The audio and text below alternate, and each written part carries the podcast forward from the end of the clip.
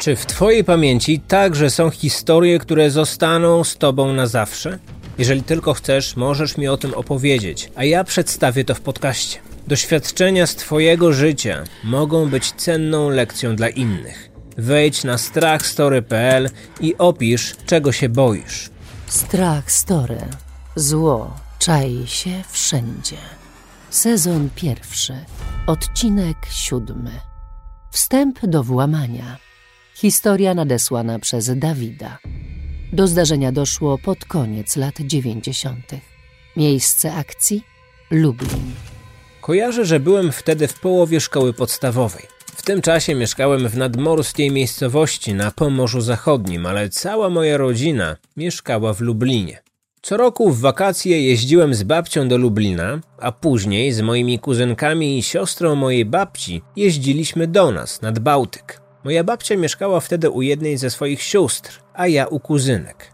Ciotka z wujkiem byli dość bogaci. Pod koniec lat 90.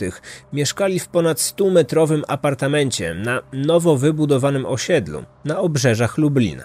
Mieli kilka zakładów złotniczych, które w tamtym czasie przynosiły dość spory zarobek. Wujek jeździł najnowszymi modelami Audi, które często zmieniał. Kuzynki chodziły do prywatnej szkoły. Nie trudno było zauważyć, że dobrze im się powodzi. Jak już wspomniałem, mieszkali na obrzeżach Lublina.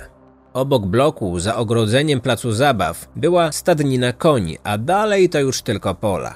Ich mieszkanie znajdowało się na wysokim parterze. Spokojnie, przystawiając drabinę, można było wejść na balkon. Zawsze jak u nich byłem, spałem w salonie. Byłem starszy od moich kuzynek o 5 lat. One wcześniej chodziły spać, a ja mogłem jeszcze posiedzieć z dorosłymi. Jak co wieczór ciocia z wujkiem poszli do sypialni, a ja położyłem się w salonie. Nie pamiętam dokładnie wieczoru, ale to, co się wydarzyło w nocy, zapamiętałem na całe życie. Ciotka zazwyczaj odsłaniała na noc zasłony, ponieważ uważała, że rano słońce daje energię i przyjemniej się wstaje. W środku nocy obudziły mnie światła latarki. Początkowo nie wiedziałem o co chodzi, byłem zaspany. Otworzyłem na wpół oczy, a za firankami na balkonie zobaczyłem przynajmniej dwie postacie. W sumie bardziej czarne obrysy ludzkich ciał niż coś bardziej wyraźnego. Zaglądali w okna i świecili po pokoju latarkami. Ze strachu znieruchomiałem. Zamknąłem oczy i nasłuchiwałem, czy nic się nie dzieje. Teraz nie potrafię odpowiedzieć, dlaczego nie zrobiłem hałasu, czemu nie obudziłem wujka. Wiedziałem, że wujek ma broń w sejfie. Może gdybym coś wtedy zrobił, nie byłoby dalszej części tej historii. Rano wszystko opowiedziałem cioci i wujkowi. Nie uwierzyli mi i stwierdzili, że prawdopodobnie to mi się przyśniło. Próbowałem im wytłumaczyć, że wszystko doskonale pamiętam, ale uznali, że to musiał być sen. Wakacje w Lublinie minęły. Razem z kuzynkami i naszymi babciami pojechaliśmy nad morze. O całej sytuacji zapomniałem, aż do jesieni tego samego roku. W jeden z weekendów ciotka z wujkiem i kuzynkami pojechali na wesele pod Lublin i nie wracali na noc do domu. Ktoś prawdopodobnie musiał obserwować mieszkanie.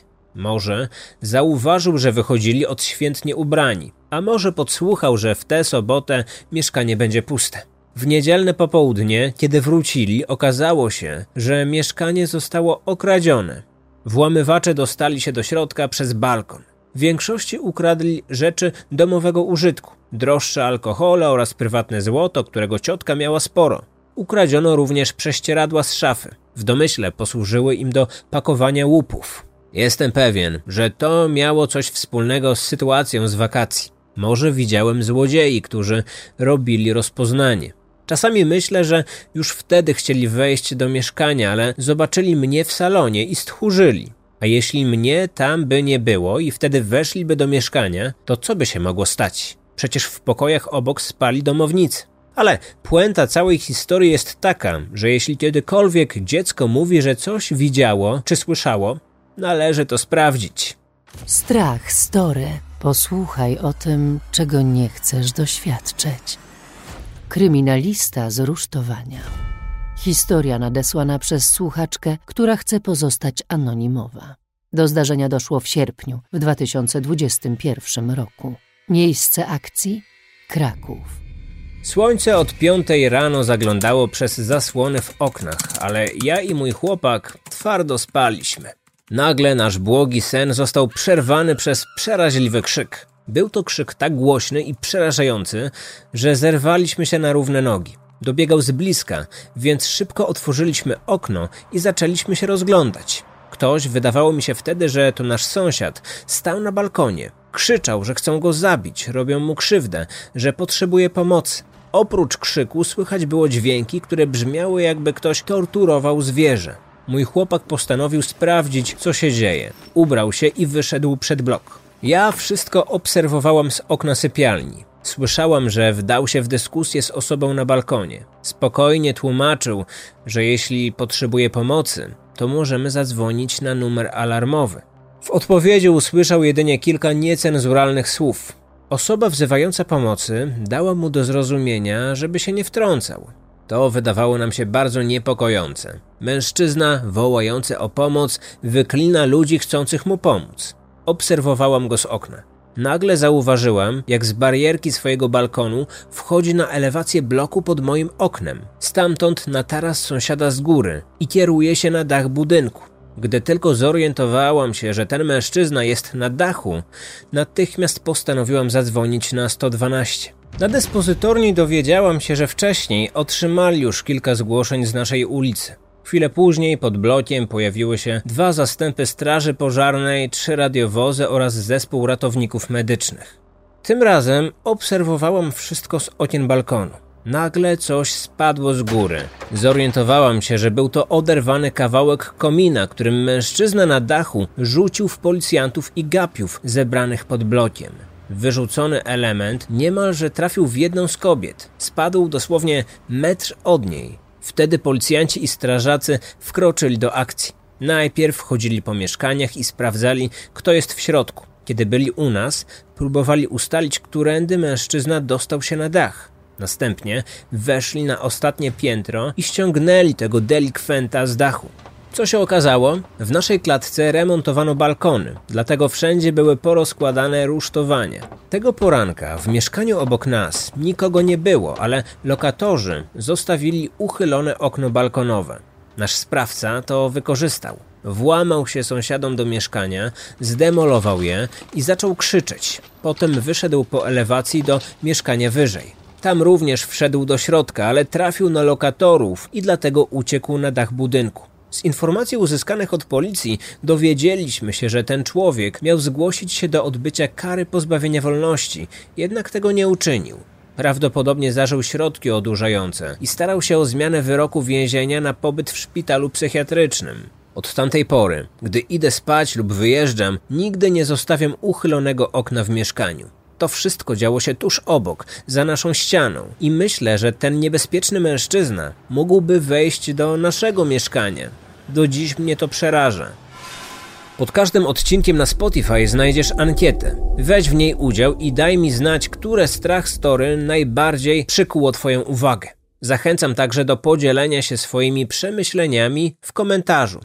Nieśmiały czy niebezpieczny. Historia nadesłana przez słuchaczkę o pseudonimie Lucy. Do zdarzenia doszło w 2018 roku. Miejsce akcji Warszawa. Miałam wtedy 20 lat i mieszkałam w Warszawie. Pewnego dnia umówiłam się ze znajomym na obiad podczas jego przerwy w pracy. Biuro znajomego znajdowało się w ścisłym centrum. Pomyliłam godzinę i przyjechałam na miejsce godzinę za wcześnie. Postanowiłam przejść się do Złotych Tarasów. Zatrzymałam się przed wejściem do galerii, żeby zapalić papierosa. Zobaczyłam grupę kilku mężczyzn innej narodowości. Zwróciłam na nich uwagę. Przez chwilę dość głośno rozmawiali ze sobą, po czym rozeszli się i każdy poszedł w swoją stronę. Nie rozpoznałam języka, w którym rozmawiali, ale też niespecjalnie mnie to wtedy zainteresowało. Skończyłam palić i weszłam do środka. Przez chwilę krążyłam po sklepach i oglądałam wystawy. Pewnym momencie zauważyłam jednego z mężczyzn sprzed wejścia i hmm, odniosłam dziwne wrażenie, że mnie obserwuje. Przez chwilę poczułam niepokój, ale szybko uznałam, że pewnie tylko mi się wydawało. W końcu to było centrum miasta, duża galeria handlowa i tłumy ludzi. Poza tym, dlaczego ktoś miałby mnie obserwować? Wróciłam do chodzenia po sklepach i zapomniałam o całej sytuacji. Po kilkunastu minutach poszłam do toalety i wtedy kątem oka zauważyłam, że ten sam mężczyzna również idzie w tym kierunku. Kolejny raz odniosłam wrażenie, że mnie obserwuje i idzie za mną. Po wyjściu z toalety rozejrzałam się, okazało się, że nigdzie go nie ma. Wtedy się uspokoiłam i zaśmiałam się w myślach z własnej głupoty, tej niepotrzebnej paniki. W tej samej chwili znowu go zobaczyłam. Stał za rogiem i obserwował wyjście z łazienek. Rozmawiał przez telefon i patrzył prosto na mnie. Postanowiłam zachowywać się rozsądnie i upewnić się, czy ten człowiek naprawdę za mną chodzi. Zmieniłam kierunek i poszłam w stronę wyjścia z galerii. On nadal szedł za mną. Wyszłam na zewnątrz, stanęłam przy popielniczce i odpaliłam papierosa. Mężczyzna również wyszedł i zatrzymał się kilka metrów ode mnie. Po chwili wróciłam do środka i kiedy on znowu podążył za mną, miałam już pewność, że jestem obserwowana. Usiadłam na kanapie w galerii, a on usiadł naprzeciwko mnie. Wtedy się wystraszyłam.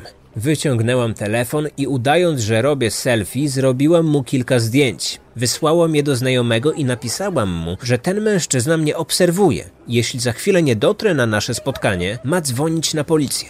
Poprosiłam też, żeby wyszedł w moją stronę. Wyszłam z galerii. Byłam tak przerażona, że prawie biegłam. Nagle mężczyzna mnie wyprzedził i zatrzymał się przy przejściu dla pieszych w stronę którego szłam. Na moje nieszczęście było czerwone światło. Stanął bardzo blisko mnie, a ja rozejrzałam się nerwowo, żeby upewnić się, że na przejściu czekają także inni przechodnie. Cało się trzęsłam i nie wiedziałam już co robić. I wtedy on, jak gdyby nigdy nic, zapytał mnie po angielsku, czy nie chciałabym pójść z nim na kawę.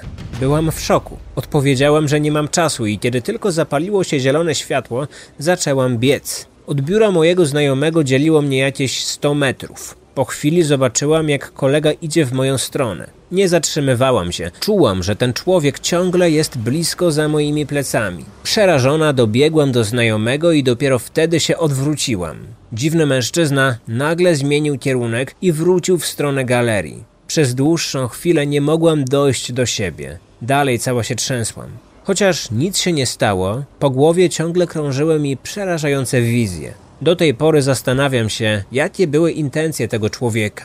Przeszło mi przez myśl, że może był po prostu nieśmiały i długo zbierał się, żeby zaprosić mnie na kawę, a może miał złe zamiary. Całe szczęście wszystko skończyło się dobrze, ale od tego czasu uważniej obserwuję ludzi wokół mnie.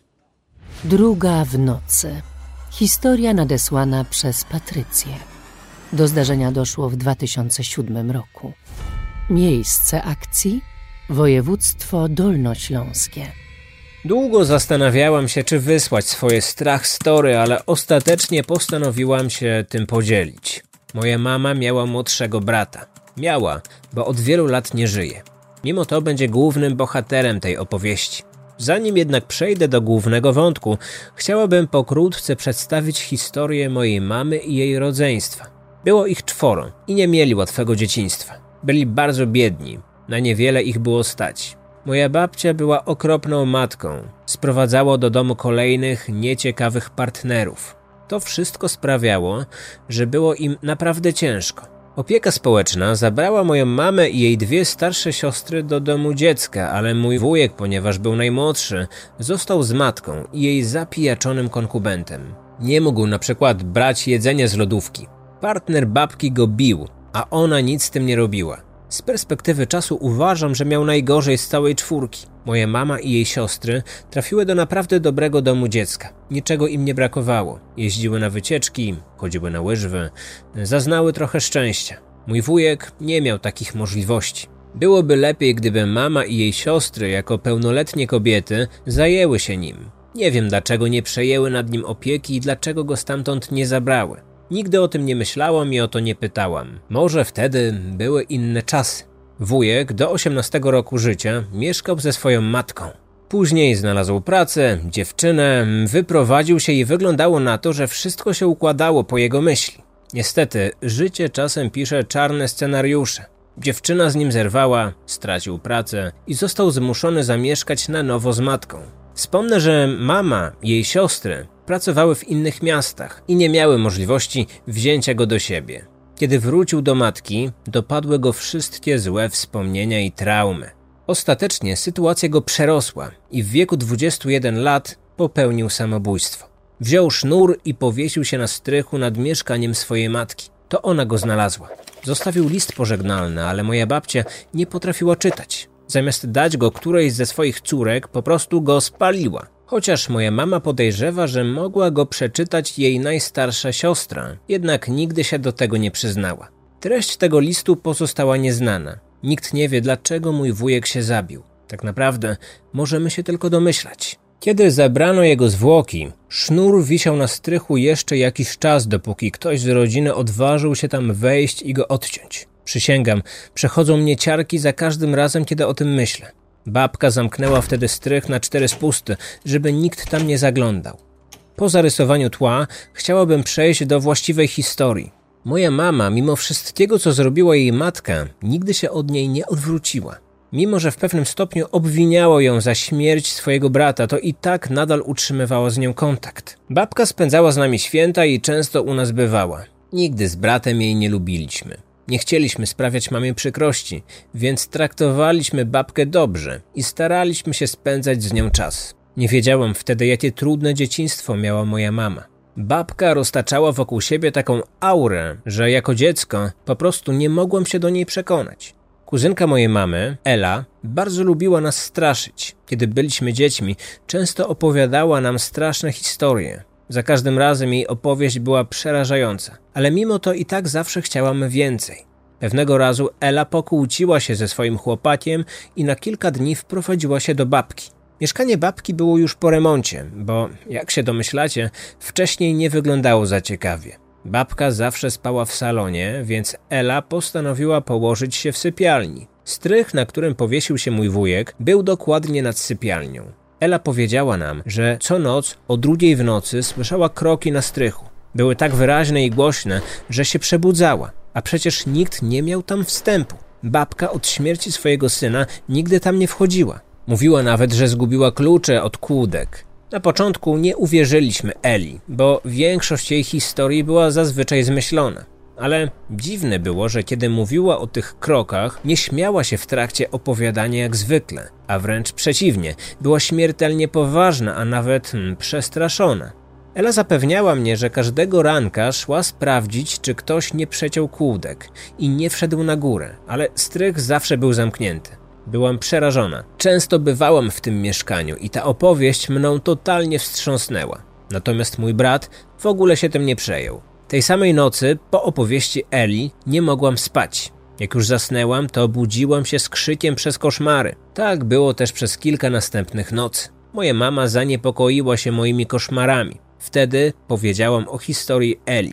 Mama zbyła to śmiechem. Mówiła, że jej kuzynka powiedziała tak tylko dlatego, żeby nas nastraszyć, że tak naprawdę nie słychać żadnych kroków na strychu. Fakt, mama spała tam nieraz po śmierci swojego brata i nigdy nic nie słyszała. Czy mnie to uspokoiło? Może trochę, ale nie całkiem. Od tamtej pory Ela przestała nam opowiadać straszne historie. Po tygodniu spania u babki wróciła do swojego chłopaka. Minęło kilka tygodni i zdążyłam już zapomnieć o historii o krokach na strychu. Przypomniała mi się dopiero wtedy, kiedy rodzice wyjeżdżali na weekend i musieliśmy z bratem zostać na noc u babki. Nigdy wcześniej u niej nie spaliśmy i trochę się bałam. Płakałam, krzyczałam i błagałam rodziców, żeby nie jechali, ale wszystko już było opłacone i nie mogli odwołać wyjazdu. Poza tym twierdzili, że wytrzymam dwie noce. Dodali, że przecież będzie ze mną mój starszy brat, który się mną zaopiekuje.